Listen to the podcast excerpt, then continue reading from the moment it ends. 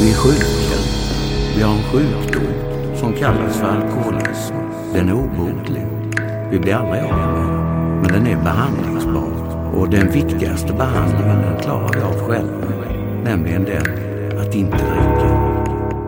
Hej Peter! Hej Kristoffer. Och hej alla kära ni som lyssnar. Vi är tillbaka igen efter lite sommaruppehåll har vi kallat det. Mm. Till podcasten då, en dag i taget. Yes. Hur har du haft det sen sist Peter?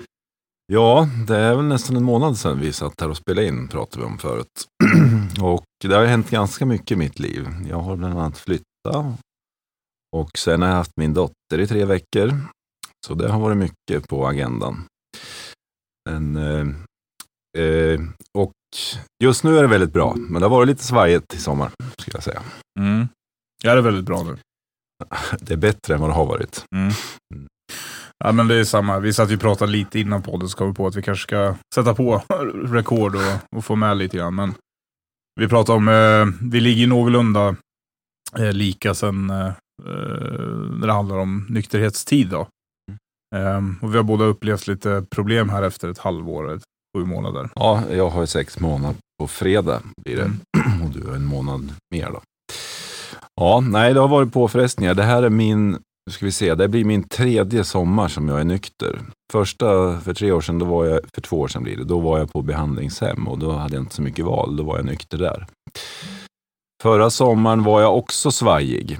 Inte så att jag hade något sug eller så, men det var svajigt och det har varit svajigt den här sommaren också. Sen om det är att det är sommar eller om det är andra saker, det kan inte jag riktigt svara på. Alltså jag kan ju bara, jag har, jag har haft två månader som har, ja, men som man har varit osäker på vägen framåt. Eh, och de här, jag har ju pratat om de, eh, eh, de här uttrycken tidigare, att gå på vita knogar. Alltså man, man egentligen bara pressar sig igenom. Man har skruvat på korken på flaskan, men man mår inte så jävla bra. Man utvecklas kanske inte eller tillfrisknar. Och jag vet inte heller, jag har inte heller identifierat alla faktorer, men en faktor är självklart att det är sommar, man är iväg på semester, man upplever saker som man har upplevt eh, som aktiv, som har mycket med alkohol att göra. Eh, primärt alkohol för mig de senaste åren. Eh, och det gör ju att eh, det är lätt att hamna i den här eh, självömkan och lite harmet, att man blir förbannad på någon form av yttre kraft som säger att man inte får göra någonting. Så blir man den här lilla Jo, så är det Men sen är det väl just sommaren, i alla fall för min del. Det har ju, jag har sagt förut någon gång, men det är ju mycket förknippat. Liksom, hade man fyra veckors semester så var det ju ofta fyra veckor fest. Mm. Det var någon dag återhämtning mellanåt. Det är klart att hjärnan känner någonstans att vad är det som händer nu? Man säger det är min tredje sommar, men jag är fortfarande inte bekväm riktigt i att vara nykter en sommar. Sen har vi pratat om det förut, men det är liksom det är hamnen, det är en del kompisar som går till hamnen och nu är det ingen som frågar mig längre om jag ska följa med. Men nej, det är svårt. Men då kommer man in på det där som du säger, vita knogar. Men jag hamnar någonstans nu att, som den här podden heter, en dag i taget. Jag har tidigare varit ganska så här liksom att kunna ta längre steg än en dag i taget. Men nu är jag faktiskt där, att nu är det verkligen så att det är idag och inte så mycket mer. Men det är ganska tryggt det också, att kunna landa i det då en dag i taget. Det, det fungerar att Mm. göra så. Ja, den är oerhört jävla viktig. Jag vet många gånger som jag har fått gå ner på den liksom tidsspannet. För att alltså jag svävar iväg i mina tankar om att eh, ja, men antingen romantisera över alkoholen eller situationer eller, eh, eller så blir det här existentiellt jobbiga att så här, oj, kommer jag aldrig mer festa? Kommer jag aldrig mer ha kul? Alltså, när man hamnar i den självömkan, då är det jävligt skönt att gå ner och bara tänka att idag ska jag vara, ska jag vara nykter. Helt enkelt. Och romantiseringen är det. Vi pratade om det innan här också, att man, eh, man har ju ändå gjort en del roliga saker när man var aktiv. Och det är klart att de tankarna kommer ibland och då glömmer man gärna bort det tokiga som blev konsekvensen. Och det är det som är faran i det här. Mm. Ja, verkligen. Um, sen är det ju, alltså, vi har ju pratat mycket om det tidigare, med just skillnaden mellan att ha Eh, vara drogfri eller alkoholfri. Skitsamma för mig, det är samma grej ungefär. Eh, och att tillfriskna. Eh, och det är just det här med att gå på vita knogar. Eh, och någonstans så är jag väl tryggare idag i att jag har programmet. Jag kan gå tillbaka till att jag kan ganska snabbt identifiera att så här, okej, nu har jag inte läst någonting i, i någon, eh, någonting ute, litteraturen, eller jag har inte mediterat, jag har inte tagit det lugnt, jag har inte reflekterat. Alltså, då, då blir det ju jobbigt. För då går man ju bara, då maler det bara på liksom. Ja, och sen är det där, för min del, som stressen, det har ju varit otroligt nu när vi har flyttat och det har varit projekt, projekt och jag älskar ju det. Mm. Men det, det stressar mig otroligt. Och stress tidigare, det var ju bara alkohol på det. Mm. Det är klart att det också har varit en trigger då, att liksom, vad fan är lugnet? Var hittar jag lugnet nu någonstans? Men jag känner också det här med, vi nämnde program där, det, det är ju andra bekanta, du och jag och flera, liksom, när man träffas och diskuterar det här så blir det lite lättare, för mig i alla fall. Jag känner det, liksom, då lugnar man ner sig lite. Ja, just Mm. det, vi var här, ja. Det är här vi är. Ja, det är jävligt, jag har ju några sådana som fastnat så hårt i huvudet att jag ska absolut inte vara min egna rådgivare. Eh, för då, då blir det galet. Och därför är ju de här mötena där vi får prata med varandra och dela med varandra så jävla viktiga. För att, precis som du säger, då landar man i någonstans och ser ganska klart vart man är. Och, um, sen är det ju det där med att verkligen, uh, alltså när jag i alla fall romantiserar mitt missbruk eh, och börjar liksom ha farliga tankar kring om att jag skulle vara någon unik snöflinga som inte är alkoholist. Då, då är det skönt att behöva, alltså någonstans jorda sig i och se precis det här du pratade om. Eh, de effekter som kommer bli av att man går tillbaka till ett missbruk. En grej till som jag har tänkt på det är just det här med att jag stod och diskuterade med någon som, alltså när, man eh, är öppen om sin, eh, sitt missbruk så är det ju många andra som dricker alkohol som kanske blir oroliga eller tänker på sitt eget drickande. Det är i alla fall jag har hamnat i många så här, diskussioner där, jag kan inte svara, jag vet, jag har inga svar på någonting, men däremot så är det ju mänskligt att eh, alkohol och andra droger, är det klart att det har en lugnande effekt för stunden. Jag tror att skillnaden som jag har sagt då, det är att när du har uppnått, eller har den sjukdomen vi har, då är man besatt av det. Det går inte att sluta. Eh, och det är väl där den stora skillnaden ligger i att man, har man en stressig period, eh, så kanske man som vanlig människa, ja okej, man kanske dricker några glas vin extra på semestern, eller vad det nu är som gör att man, man, kommer ur den perioden. För mig så är det ju bara stegrande. Eh, och sen så till slut så har det ju inte med stress längre att göra, utan det blir ju bara en ond Nej, cirkel. det är ju besattheten där. Men vi har ju också haft perioder när vi kunde hantera det, mer eller mindre. Mm. I alla fall jag för 20 15-20 år sedan, då var det ju under kontroll. Mm. Och jag kunde göra så, även om jag drack mycket så kunde jag liksom stoppa där. Men jag är inte där idag. Nej. Nej, jag, det har absolut funnits perioder, men däremot det är det som är så nyttigt att dela om sin egen historia. För då, någonstans, om man hör sig själv prata om det så blir det mer tydligt. Jag har aldrig haft ett, ett sund, sund relation till alkohol. När jag var yngre, det var ju ganska många gånger som jag hamnade i klaver med rättvisan för att jag, inte att jag kanske hade en hög frekvens på mitt drickande, men när jag drack så hamnade jag i slagsmål. Och bara där är ju liksom, eller jag gjorde inbrott eller vad fan man gjorde liksom. Aggressivitet där som Mm, ja. var undantryckt och ilska. Eh, precis. Känslomässig sjukdom helt enkelt. Ja. ja, nej men sommaren är tuff. Och som sagt, det är min tredje och det, det, jag jobbar fortfarande med det här. Mm. Men det är många som säger det också. Det här är inga självklarheter. och hur många somrar det tar, det vet inte jag. Nej. Innan man blir trygg i det här. Nej, återigen, en dag i taget. För man hör ju de som har gått före och har väldigt lång nykterhet. Det är klart att de sannolikt någon gång ibland, men oftast så, så känns det som att de har blivit befriade från den här besattheten. Jo, man kommer nog dit. Och det är ju, periodvis var jag där då innan jag tog återfall också. Periodvis. Men, Mm.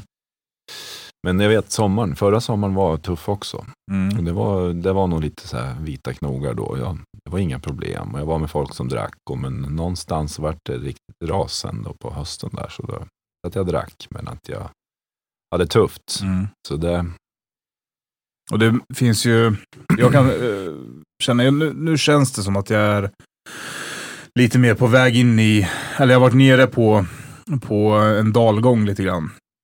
Uh, nu har jag ju haft några sådana dalgångar och jag tror jag beskrev det igår på ett möte att förr så var det väldigt taggigt för mig. Det var högt upp bland molnen, väldigt mycket adrenalin och mycket kul och sen var det väldigt djupt ner, alltså i dalgången.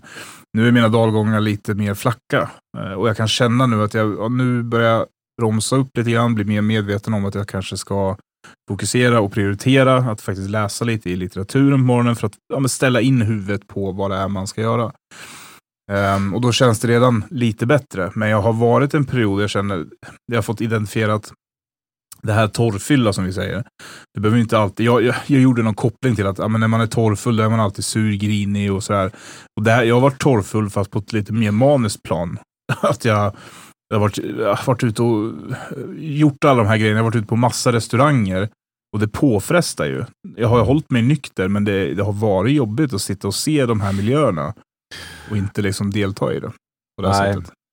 Eh, om du är som, som man säger torrfull då och sen så gå på restauranger, det är ju jättetufft. Det var ju Mm. det jag gjorde förra sommaren. Jag var på semester med mina vänner som drack och tyckte att det var helt okej just då. Men Mm. sen som sagt, det kom i efterhand det där. Och där får man väl tänka sig lite för också. Visst, det är ju trevligt att sitta ute på en restaurang och dricka kaffe och Coca-Cola också, men det kanske påverkar oss. Vi är ju ändå som sagt hyfsat färska i det här. Så Mm. det, Ja, men så får det inte bli heller. Det är nästan, jag blir sådär, som prestationsmänniska som jag är, så, här, så att jag ska utmana det verkligen. Att jag ska gå ut så mycket som möjligt för att verkligen så pressa mig igenom känslan av att det är jobbigt istället för att jobba Ja. med mig själv på ett mer Ja, sunt plan. jag känner igen mig. Det var precis det jag gjorde Mm. förra sommaren. Det där är inga problem. Jag kan vara med vem som helst som dricker. Det är inga konstigheter. Sen mådde jag skitdåligt i augusti. Mm. Varför det? Oj, vad händer nu? Det är Så- som att man tror att om man, att man kan besegra det på något sätt. Att typ, eh, ja, men, om, för, för att jag ställer de kraven på mig själv. att Så här, ja, men, fan, eh, om jag ska kunna leva utan alkohol, då ska jag kunna göra allt det här och det här. Och må bra. Och så, så liksom pressar mig Ja. att ja, utsätta mig för Men det är väl just det också att vi kommer aldrig kunna besegra det här. Det är Nej. väl det som jag, jag, jag vet vad du pratar om. Jag förstår exakt Mm. vad du säger, men det går ju inte att besegra det här. Kanske man kan hitta lugnet om några år på ett annat sätt.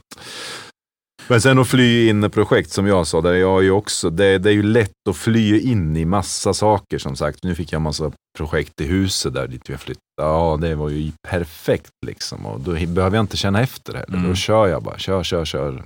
Sen har ju omgivningen sagt, men fan du är inte så trevlig längre, va?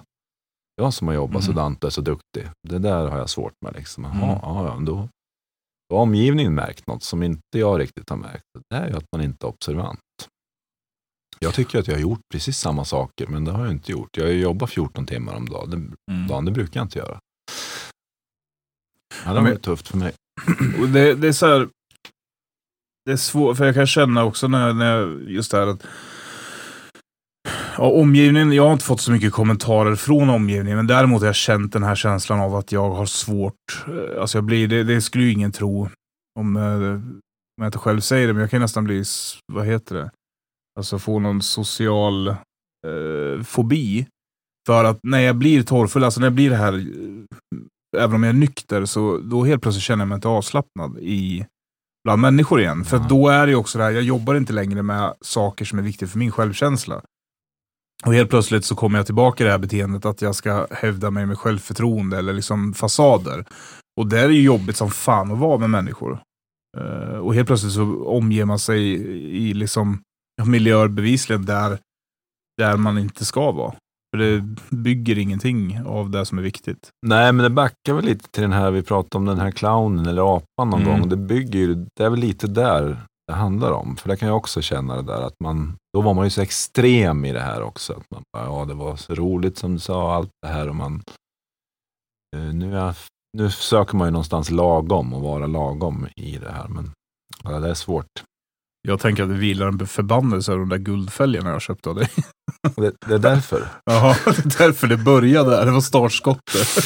Du var torrfull av dem. Jag var Ja. torrfull. Jag var, Ja, jag var det. clownen av Eh, Nej då, nu får skydda dem lite, att jag var ju spiknykter när jag hade dem där. Så Ja, okej. ja, om ja. min bil. Nej, men... Nej, absolut inte Peter. Det, det var ett skämt. Men, eh, nej, men det blir lite sådär att... Det, jag, visst, jag kommer alltid tycka sannolikt att det är kul med prylar och saker och fart och fläkt sådär. Men det är ju inte det som skänker någon form av sinnesro och balans till mig. Utan när jag mår som bäst, det är ju när jag...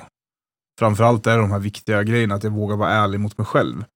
Eh, och det här känns som att jag inte liksom reflekterat eller varit ärlig eller liksom erkänt för mig själv de här senaste två månaderna att jag faktiskt börjar må sämre. Nej. Man, man går på möten och sådär. Men jag, jag kände igår eh, när vi var på ett möte, det var min första, det jag delade med mig som faktiskt, eh, det var inget så här jag satt och tänkte på vad jag ska säga riktigt innan. Utan det kom mer spontant. Och det gör det ofta när det är ärligt. Eh, Det var jävligt skönt igår. Men det är väl det där med, som du är inne på, där, stanna upp också. För det är det som sagt jag har kört hjärnan nu och då behöver man aldrig stanna upp. Man behöver inte reflektera över sig själv och omgivningen heller. Och då, då blir man ju, kommer man in i det där Mm. sunda. Som, det är nog så. Vi är ju ganska bra på att fly. Förut flydde vi i alkohol eller droger. Och hittar man något att fly nu då, jobb Mm. eller vad det nu kan vara, så är det bra. Golf. Golf, springa. Alltså, det är ju, det är, en- ja, det är ju fantastiskt. För det, det är ju ingen som kan komma och säga att golf eller löpning är, det, det får man ju fly i, för det är så bra. Ja, det är jättebra. Men ja, det är ju balans där också. Det är precis som du balans. säger, för vi flyr ju från våra känslor. ja, För det, är som- enklaste vägen. Ja, Det är den enklaste vägen. och så är man förbannad då, då är det ju golfens fel för tillfället. Inte någon annan Men, känsla. men för mig var det som att nu när jag hållit på i huset där, då var det som att då fick jag inte sitta ner för att jag hade så mycket jobb. Mm. Men där lurar jag ju mig själv. Det var, det var ingen som sa att jag var tvungen att jobba dygnet runt. Utan det är bara jag själv som har sagt. Då slapp jag tänka en stund, men sen så blev det lite bakslag nu och lite jobbigt. Det, Jag kommer inte ihåg om det var i podden jag sa det här eller om det var i något annat sammanhang. Men det konstiga med att bli vuxen, det är att man, precis som du säger, nu, nu köpte du dig ett hus då. Och sen, då är det som att du känner, eller om jag förstår det rätt så är det, för så är jag i alla fall, att man, helt plötsligt så får jag inte sitta ner. För att det, det är som att det, någon har sagt till mig att jag inte, Ja. jag bestämmer för fan själv, jag är ju vuxen hur länge saker och ting ska ta. ja, ja. Men jag kan tänka mig, när man var barn och, och såg på vuxenlivet tänkte man, gud vad skönt, då kommer friheten, för då får jag göra vad jag vill. Och när man blir vuxen så gör man allt man inte vill då. Det är tvärtom. Ja. Ja. att, men Men, det är ju men det, är, ja. det är väl det här flyktbeteendet som vi har. Det är väl det det handlar om egentligen. Att man, man söker det. Men det gäller ju att hitta balans. Så vi pratar om lagom. Det är ju det. För mig är det, det är bara ordet lagom. Nej, det är det svåraste jag vet. Vad är lagom liksom? Jobba lagom. Springa Mm. lagom. Vara lagom. Det, Mm. det är det svåraste som finns. Det är, det är som du sa. an- Antingen var man topp på superclownen eller så låg man hemma i sängen och grinade och tyckte synd om sig själv. Det var ju liksom Mm. de två lägena som jag hade. Ja, Men sen, vi hade ju någon kortare, så, ja, fan ska vi, ska vi spela in podd nu när vi, när vi inte mår bra? Sa vi, eller vad, vi hade någon sån kort. Ja. Och det är också så här, det är klart att man vill ju inte att den här plattformen ska bli destruktiv för någon. Men samtidigt tror jag det är jävligt viktigt också att våga prata de stunder det inte är på topp. Ja.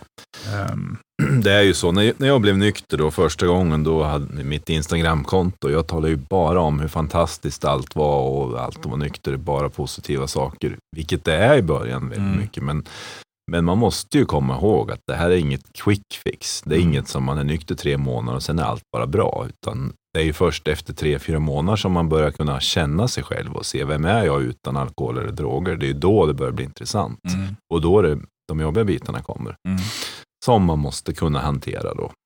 Tar man sig igenom det, som sagt, jag lyckades stå i ett och ett halvt år där och sen var det återfall på det, men det, är- ja, det är ett jobb som måste göras. Men mm, som vi alltid säger, nummer ett är att bli nykter, sen, mm. sen hur man hanterar det. Men då finns det möjligheter i alla fall, göra någonting.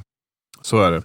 Men vi ska ju inte lura in någon och säga att det bara blir nykter och sen blir hela livet fantastiskt, för så är det inte. Det, det är många fördelar, men det, det krävs lite arbete också för att komma dit. Ja men så är det. Det är väl så, precis som du sammanfattar det där. Att jag skulle absolut, jag skulle aldrig kunna säga så här, "Nej, bli inte nykter för det är inte värt det. För det är det. Alla, alla Det är dagar av nykterhet är värda kontra eh, aktiviteten som man hade innan. Mm. Och det är som jag sa tidigare här, att just, alltså det är klart man har pissiga stunder och jobbiga stunder, men de är fan, det är ju inte som förr i tiden när man fick ligga i lägenheten två veckor med persiennerna nere för man vågar inte möta världen. Jag har inte haft en sån dag på sju månader. Nej. Och det är ju sånt man måste påminna sig om att det är rätt fantastiskt. Eh, med nykterheten, även när man tycker liksom att man har en down. Så. Ja, jag hade ju också så här, kanske inte två veckor, men jag hade ju verkligen så där med problem. Var det något som hade hänt på jobbet eller någonting, då var det ju verkligen fredag, lördag, all in. Mm. Men sen på söndagen, då satt man ju med det där jävla problemet, alltså fortfarande, och det var dubbelt så stort. Men eh, man kan ju sitta med problem idag också, men det blir ju mer hanterbart på något sätt. Eh, man kan tänka på ett annat sätt. Ja, så fra, framförallt så tror jag man tänker på problem att det inte bara drabbar en själv, utan det kan vara problem som många människor drabbas av, där man har möjlighet idag och faktiskt vara en aktiv roll i att hjälpa situa- alltså, människorna i den situationen ur det. Även om det drabbar en själv också och att det är jobbigt.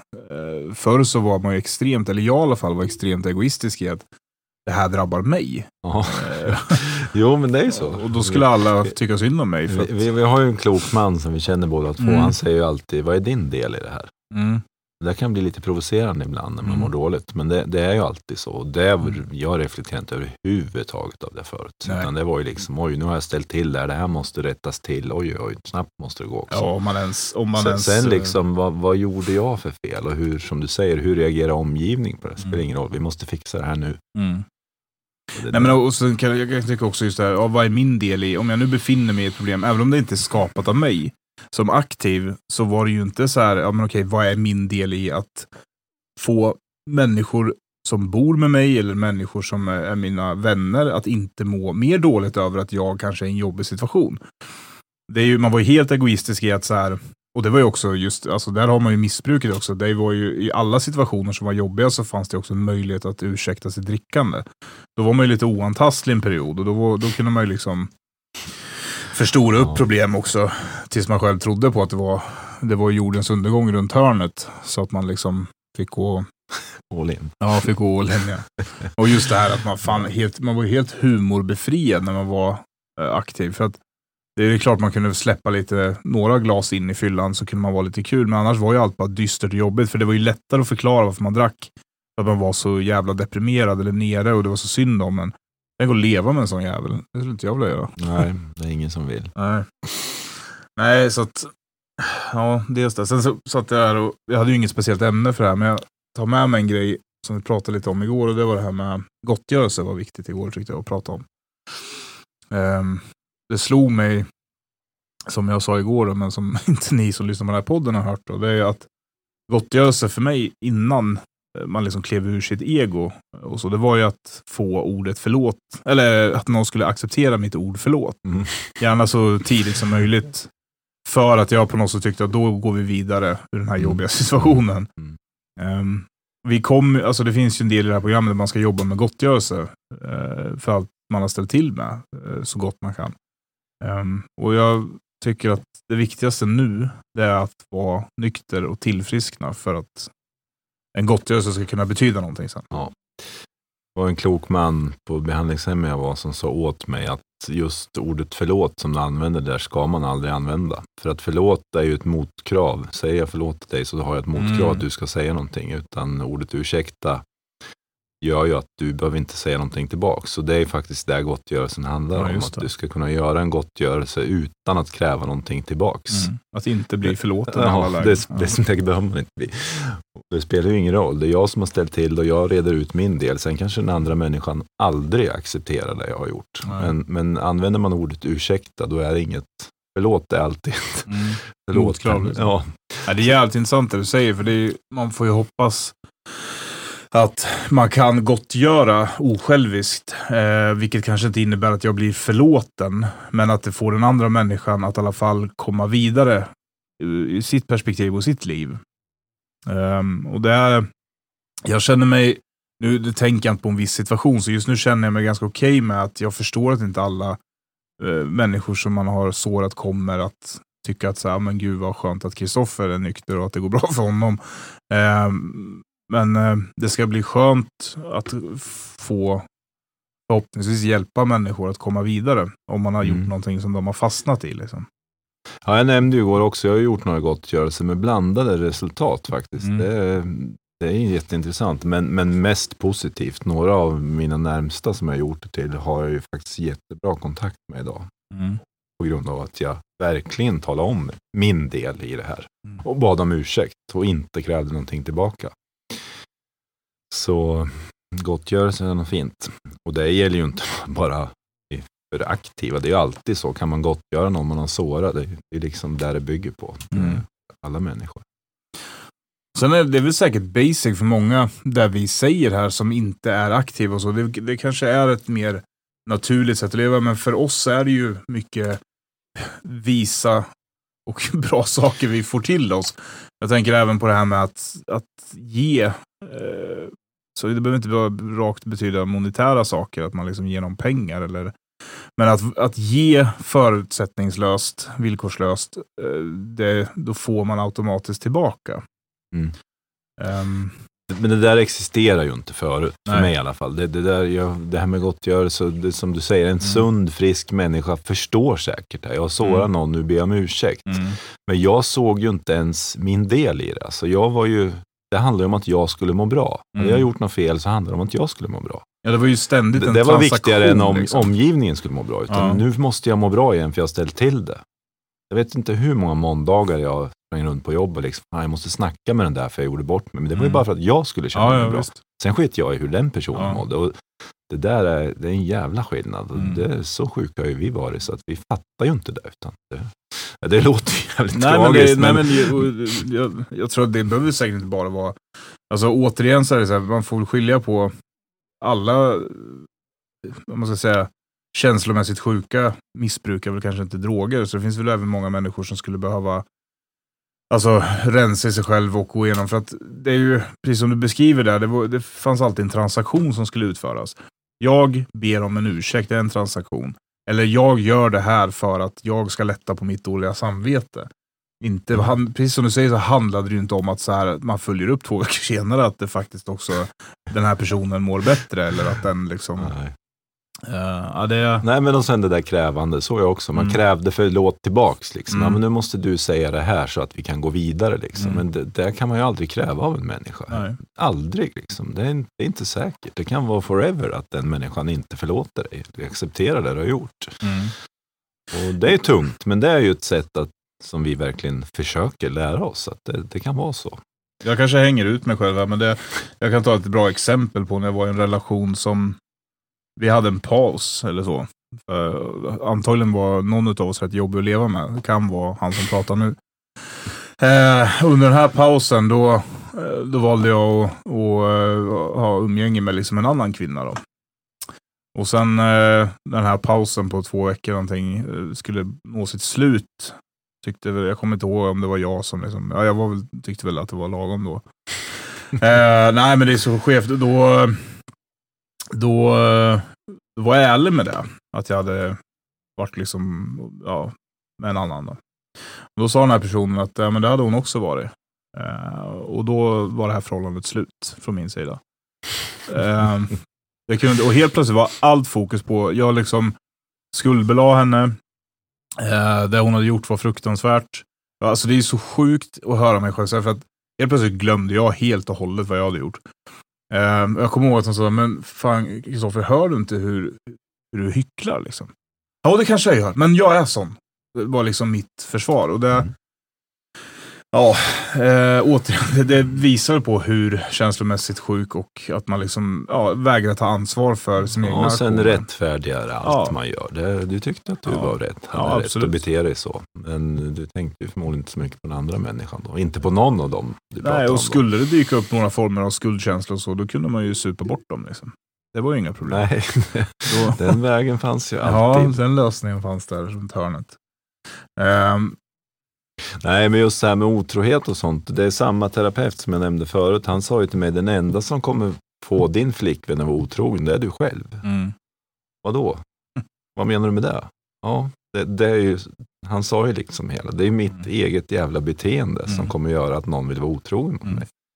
Jag har ju liksom gått på svartsjuka, ja, Mm. det handlar inte om det. Det handlar ju om hur man beter sig. Ja, och sen, jag menar, det är ju det som är viktigt att titta på om man nu vill tillfriskna. Så titta på vad gör jag för att skapa resultatet. Sen är det ju säkert, då kan man ju titta på ja, och börja liksom dividera om att så här, ja, men det är inte okej att vara otrogen. Bla bla. Nej, men det är ju den personens del i det hela.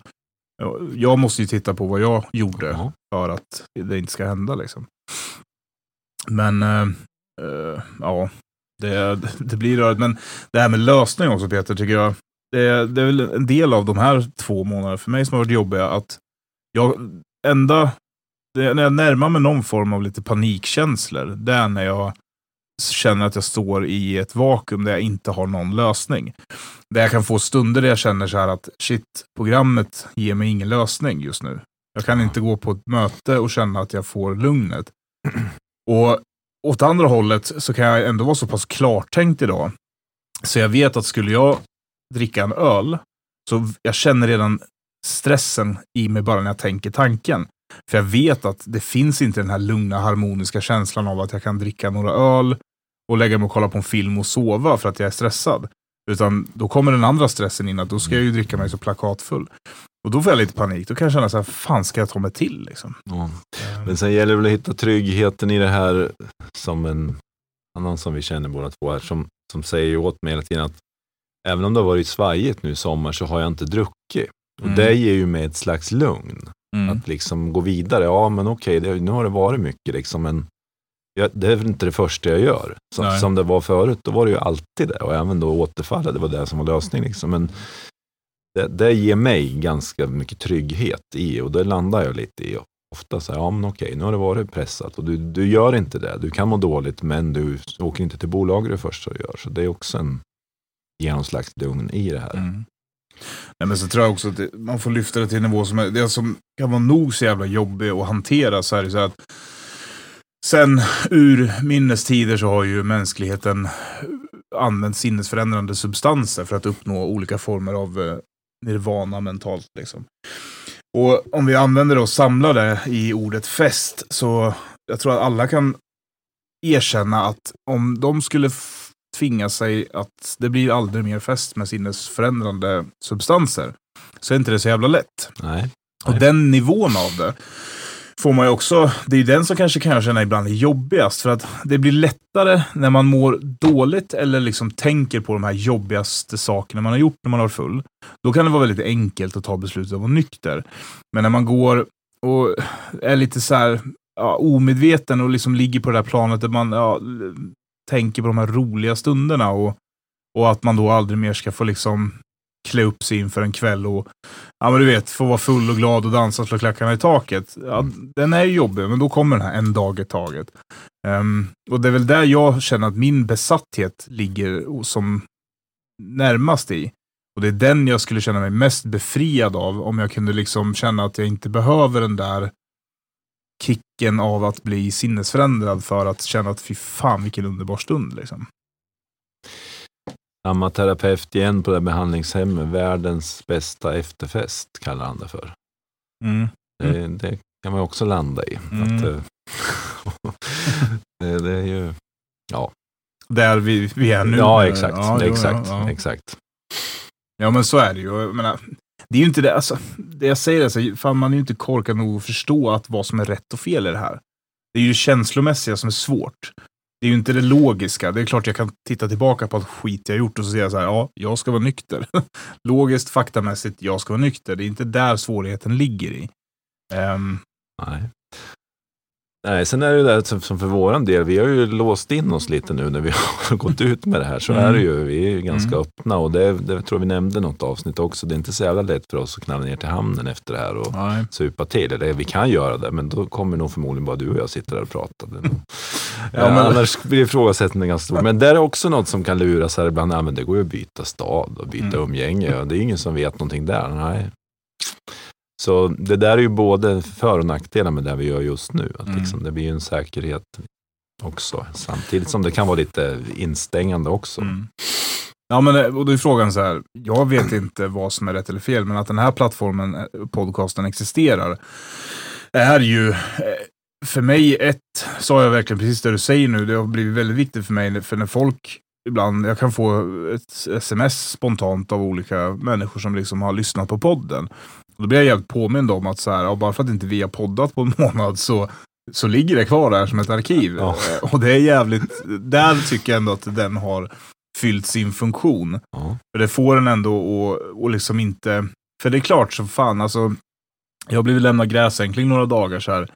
Ja, det är, det är klart jag skulle kunna. Och egentligen skulle ingen veta om det, men det är väl det som är så fint med det här programmet. Att det är, jag skulle inte vilja bryta det här löftet mot mig själv, för jag har ändå någonstans där vet jag att det skulle börja och sen så kommer man ut i ring nummer två då. Då är det så här, då finns det en podcast där man har varit superärlig. Ja. Och jag jag är en bra säljare, men jag vet inte fan om jag kan övertyga någon om att jag inte är alkoholist nu alltså. Nej.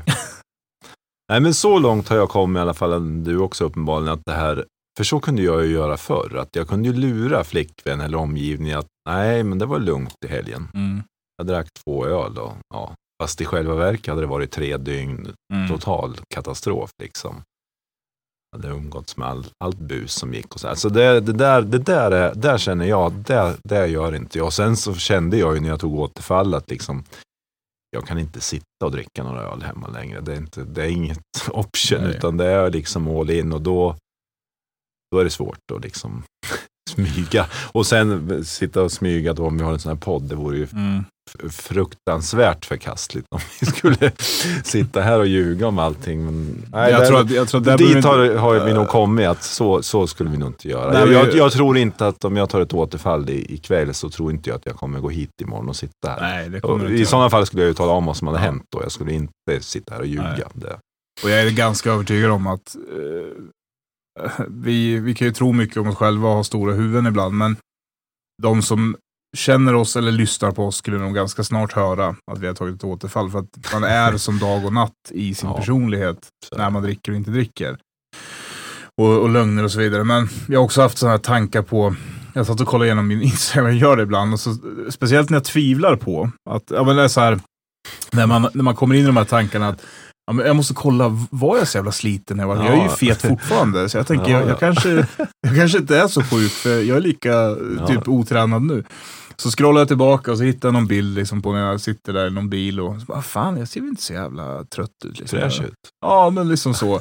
Men sen när jag började tänka på den där kvällen så, ja, men jag kommer också ihåg att så här, när polaren som körde bilen liksom började så här, ja, tre på natten, då var han trött på att åka runt i bilen med mig och jag satt och liksom drack vodka och, och alkohol. Jag kommer ihåg att jag fick så panikkänsla när han började säga nej nu kör jag hem dig. Ja, Nej, nej, alltså det fick aldrig ta slut. Nej, det är samma Eh. med. Det var så roligt. Ja. Det var så roligt hela tiden. Och den panik, alltså grejen är, det är ju där man vet också så här, om man tar till sig av det här programmet så vet man också att där vi parkerar tåget, där står det. Vilket Eh, innebär att det det är inte så att jag kan vara nykter i sju månader och få dra tillbaka gummibandet och få liksom, ja men då kan jag festa sju månader sen. Nej, det där, det där kände jag ju då i julas. Det, det, Mm. det är verkligen, det har hänt så mycket och man har förändrat och man har erkänt så mycket för sig själv Mm. så att, att, att det här ska bara funka. Eh, nej, det är, det är en del människor som gör så, som går ut och kör liksom. Men, men de flesta kommer ju tillbaks någon gång, även ett år eller om det tar sju Mm. år liksom. Men det, det är svårt när man har börjat liksom bearbeta de här grejerna. Och, och skulle man klara det, då har man förmodligen inte problem. Alltså, då, då skulle man nog inte vara där om, om Nej men, nej, men jag tror inte att man... Undrar om det finns någon, nu spekulerar jag, men undrar om det verkligen finns någon som har gått in i de programmen vi pratar om, som, som liksom kan gå ut och eh, ärligt talat inte vara sjuk. Nej, det är ju en liten egen bedömning man får göra, men det finns ju några uppenbarligen som är ute och, och Ja, det är, det är svårt. Det är ju helt upp till en själv. Liksom. Ja, jag, men- jag kände ju, för min del så var det inget option. Liksom. Mm. Det, det funkade inte alls. Det spårade ur helt och hållet och det gick snabbt. Gick jäkligt snabbt. Det ger ju, ger ju mig en vetskap om att det, ska jag kliva på då är det ganska mycket som kommer hända. Liksom. Mm. Det, Nej men och sen är det väl återigen så här, det är väl också definitionen. Det finns ju ingen, alla är inte parkbänksalkisar. Alla Nej. dricker inte T-sprit och handsprit eller vad fan det nu än är. Men, och det, man kanske skulle leva i 20 år till Ja, eh, i ett aktivt ja. liv. Eh, Jag kanske skulle dö i övermorgon om jag, eller två veckor, vad fan vet jag. Men det är ju inte det det handlar om, utan det handlar ju om kvaliteten av det livet man skulle gå tillbaka till. Ehm, och jag menar, till syvende och sist så, jag vet inte om jag har sagt det här i podden, eller, men det blir rörigt ibland, men jag vet, jag hade ju som en måttstock för att ja, jag är frisk så länge jag inte tar några andra droger än alkohol. Och då hade jag ett par år där, där jag kände att men fan, jag, jag har, det, var ju, det var ju drogerna som var problemet tyckte jag. Liksom. Um, men jag blev ju varse och jag menar, faktiskt, så här, vi har pratat om det här med högre makt och så. Jag har tänkt mycket på att den natten som jag tog eh, det här återfallet nu på droger så tog jag ganska stor mängd droger. Eh, och det, jag kommer ihåg när jag, även fast jag var liksom berusad och hög så, så var jag ganska säker på att jag inte skulle vakna igen om jag somnade. Jag kommer ihåg, och sen var inte ångesten lika stark som den kan vara på grund av att jag hade den här sinnesförändrande substansen i kroppen. Men jag var ganska säker på att jag skulle dö då. Och då har vi pratat om det, någonstans så fick jag ju verkligen en chans till sen dess att nyktra till. Och där tänker jag så att det ligger någonting väldigt kraftfullt i det där att om jag pissar på det, den chansen jag ändå fick att gå tillbaka, så vet jag inte om den högre makten tänker rädda mig fler gånger. Liksom. Nej, det vet man inte. Eh, Sen är de, de är förknippade, det som alkohol, droger. Det, det är ju liksom, det är ju personligheterna. Mm. Så det spelar ingen roll vad man missbrukar. Liksom. Det är ju där vi är. Vi har de här personligheterna. mm. Så, så att, eh, jag har också träffat några som säger, men nu ska jag sluta knarka och bara dricka. Men ja, det är inte så många som lyckas med det heller. Liksom. Nej. Och den här klassiska, det har vi ju varit inne på, men om man säger, det, för jag har ju återigen haft de här tankarna med alkoholfri öl när jag varit ute och ätit mycket. Jag har gått så här, men fan kan man, om jag lägger fram det så här? Så bara, men typ, skitsamma, Ja. jag kan säkert lura min sambo om jag drar Ja. fram ett riktigt bra. Det är mig själv jag inte kan lura Nej, längre. nej, det är det som är så jävla jobbigt. Och jag vet så, här, så innan jag liksom har ens försökt och så, så har jag fått säga nej, nu dricker jag liksom en läsk eller så. Men det är ju där det börjar. Sen blir det helt plötsligt lättölen, folkölen, starkölen, knarket, döden. Ja, är så Jävla jobbigt att vara medveten om det. Men eh, en dag i taget Ja, eh, kan bli många dagar av väldigt lyckligt liv faktiskt. Så det känns jävligt skönt. ja. Ja. Har vi lastat ur alla jobbiga gnällkänslor vi haft över semestern? här? Sommaren, hur jobbigt det är. att Vara nykter på sommaren. Vad ser du fram emot Peter? Ja, det ska bli mörkt och kallt då. Nej, men, men som jag sa förut, det, det, den här sommaren har gett mig är ju att jag faktiskt har varit nykter, även fast det har varit jobbigt. Mm. Och sen återigen, den här terapeuten har sagt till mig, liksom, man får ju tänka på att dricka. Det är inte där problemet sitter, utan det är ju den när man gör det. Mm. Så var jag förut, då fick jag inte tänka på det. Jag tillät mig inte att Nej. tänka på det ens. Och då blir det ju svårt, för till slut faller man. Men eh, det är helt okej att ha de känslorna. Och det är normalt efter ett halvårs nykterhet att tänka så. Det vore konstigt om det vore borta. Då hade jag förmodligen inte haft problemen om det liksom vore helt borta. Liksom.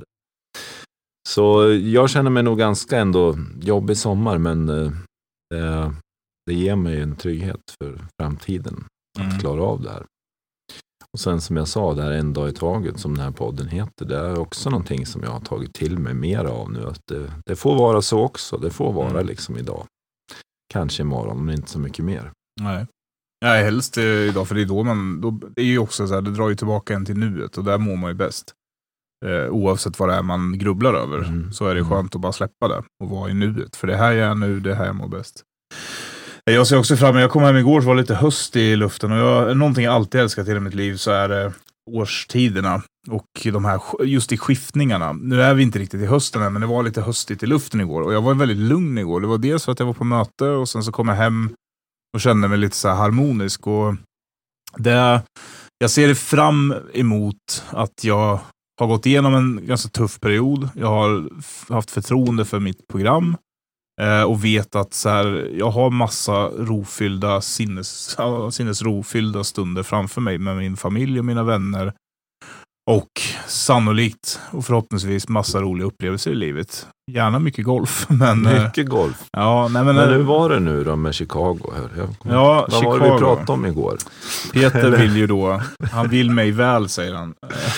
Han vill ta med mig på Chicago Marathon 2021. Eh, Oktober. Jag sa till dig, jag har lyckats gå ner 48 kilo på ett år en gång. Eh, Mm. Men då spelade jag inte golf. Då sprang du. Ja, då sprang jag. Ja, ja pris då. Ja, det hade varit en jävligt häftig upplevelse. Och jag kanske, du har ju tryckt in det där jävla fröet i huvudet på mig. Ja, vi ska inte stänga några dörrar, det har ju vi lärt oss i programmet nu. Utan vi, Mm. vi tar en dörr i taget här får vi se. vart det är. Jag hade, ja, det, och det är faktiskt kanske bra att två nyktra alkoholister åkt till Chicago och eh, har eh, andra fokusar än att bara sitta på någon jävla pub och hinka bira. Ja, exakt. Ja. Det låter fantastiskt. Som ni hör så har vi mycket att se fram emot. Ja, Sen exakt. får vi se, vi, det får bli en följetong med den här eh, maratonlöpningen. Jajamän. Vi eh, ska försöka hålla lite mer frekvens på avsnitten här nu framåt. Eh, och eh, vi tackar för att ni har lyssnat den här gången. Tack så mycket. Tack. Hej då. Hej då.